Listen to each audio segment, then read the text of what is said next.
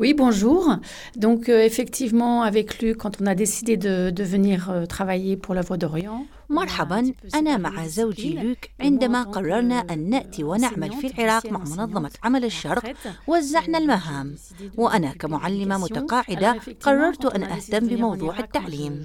وعندما قررنا المجيء أعترف أنني لم أكن أعرف العراق جيدا ما عدا قصته حول ميزوبوتاميا التي استمتعت بها كثيرا. وبالنسبة للحياة اليومية هنا حياتنا جميلة بشكل عام ونستطيع التحدث بسهولة مع الناس وهم عطوفين جدا وهذا الشيء نقدره كثيرا وليس هو نفس الحال في فرنسا.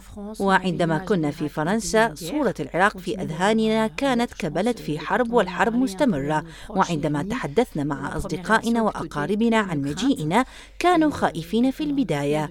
ولكننا هنا منذ ثلاثة أشهر واستطعنا طمأنتهم والقول لهم بأن حياتنا في أربيل جيدة جدا. وبالنسبة للمشاريع الخاصة بالتعليم هنا في العراق كانت هناك مشاريع كبيرة جدا تم تمويلها من قبل منظمة عمل الشرق مثل مدرسة ابتدائية ومتوسطة في قرقوش منتهية بالكامل. والابتدائية تستقبل اليوم الطلاب أما المتوسطة فسوف يتم افتتاحها في الشهر القادم. والمشاريع القادمة هناك مشاريع حول حدائق للأطفال سواء في كارمليس أو أربيل تحتاج إلى الترميم وإعادة البناء لهذا نحن نعمل من أجل حياة أفضل للأطفال.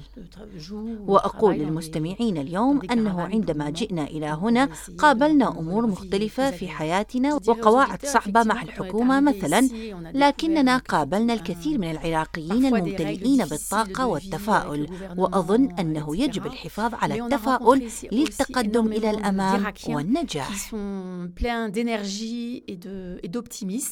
Et je pense qu'il faut garder cet optimiste en soi euh, pour aller de l'avant et pour euh, s'en sortir. بلاندين بوغو نائب المسؤول عن مكتب منظمة عمل الشرق في العراق